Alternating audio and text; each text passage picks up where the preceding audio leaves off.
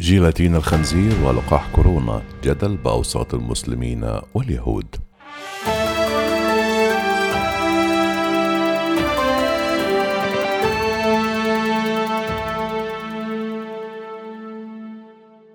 برودة الشتاء رفعت من خطورة فيروس كورونا فالإصابات والوفيات بلغت أرقاما قياسية.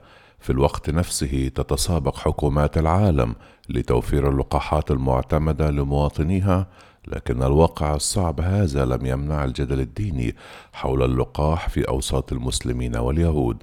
يتمحور الجدل حول وجود مادة الجيلاتين المستخلصة من الخنزير في اللقاحات وهي ضرورية لضمان استمرار فعالية اللقاح خلال النقل والتخزين وذلك وفق تقرير نشرته وكالة أسوسيت بريس بعض المتدينين المسلمين واليهود لا يوافقون على أخذ اللقاح كالتزام ديني يحرم عليهم ذلك وذلك وفقا لمعتقداتهم. وخلال السنوات الماضية عملت العديد من الشركات على إنتاج الأدوية واللقاحات الخالية من مشتقات الخنزير والتي كان في مقدمتها شركة الأدوية السويسرية نوفارتس. السعودية وماليزيا يعملان حاليا من أجل إنتاج لقاحات للحصبة خاصة بهم خالية من أي مشتقات للخنزير.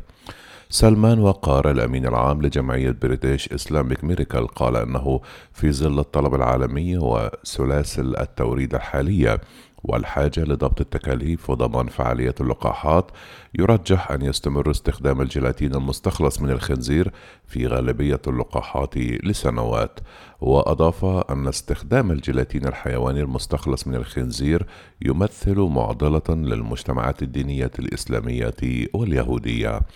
ويقول رئيس منظمة تظهار الحاخامية في إسرائيل ديفيد ستاف أنه وفقا للديانة اليهودية فإن حظر أكل لحم الخنزير أو مشتقاته يقتصر على تناوله بشكل مباشر.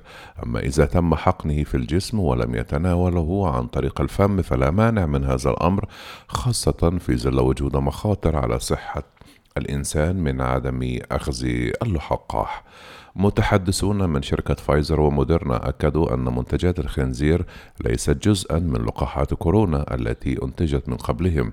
لكن محدودية العرض والصفقات الموجودة مسبقا والتي تبلغ قيمتها ملايين الدولارات مع شركات أخرى تعني أن بعض البلدان التي بها عدد كبير من المسلمين مثل أندونيسيا ستتلقى لقاحات أخرى لم يتم اعتمادها بعد على أنها خالية من مادة الجيلاتين المصنعة من الخنزير. تعتمد العديد من اللقاحات على مادة الجيلاتين المصنعة من الخنزير وهي شائعة الاستخدام في الصناعات الطبية والغذائية للحفاظ على توازن المنتج وحمايته من الحرارة أو الجفاف ولضمان أطول عمر افتراضي له وهي مناسبة لتلبية الطلب في التصنيع وضبط الأسعار.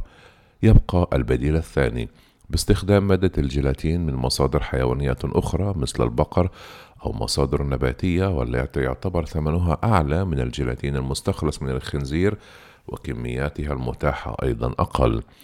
وأشار وقار إلى أنه حتى الآن لم يتم حسم الجدل بين علماء المسلمين حول ما إذا كان التحريم ينتفي على مشتقات الخنزير إذا ما خضعت لتحول كيميائي صارم.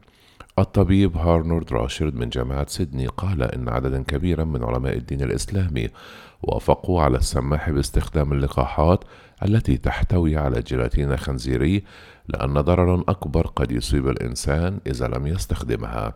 ورغم ذلك يعارض علماء مسلمون تلقي اللقاحات أو الأدوية إذا ما احتوت أي مشتقات خنزيرية حتى لو لم يتم توفير بديل لها أو حتى لو كان هناك خطر على صحة الإنسان. في سابقة وبائية متشابهة أصدر مجلس العلماء الأندونيسي في عام 2018 قرارا بأن لقاحات الحصبة والحصبة الألمانية يسمح للمسلمين بتلقيها لعدم توفر بديل لها بعد أن كانت محرمة بالكامل. السلطات في أندونيسيا في مرحلة معينة وجدت أن الحصبه تفشت في البلاد وأصبحت تمتلك ثالث أعلى معدل للحصبه في العالم. راشيل هاورد مديرة مجموعة أبحاث متخصصة في الأدوية قالت إنه رغم صدور قرارات وفتاوى تسمح باستخدام اللقاحات التي تحتوي منتجات خنزيرية إلا أن بعض العلماء المسلمين والموروث الديني يدفع العديد من الناس إلى رفض أخذ اللقاحات.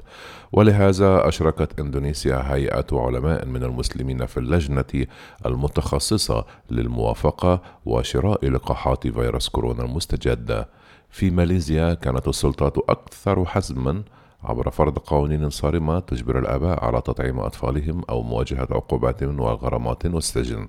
في باكستان يسجن العديد من الناس هناك بسبب رفضهم تطعيم أطفالهم ضد شلل الأطفال. وتسبب فيروس كورونا المستجد بوفاة نحو 1.7 مليون شخص وإصابة قرابة 76 مليون شخص حول العالم فيما رصدت السلطات في بريطانيا سلالة جديدة من الفيروس يمكنه الانتشار بشكل أسرع.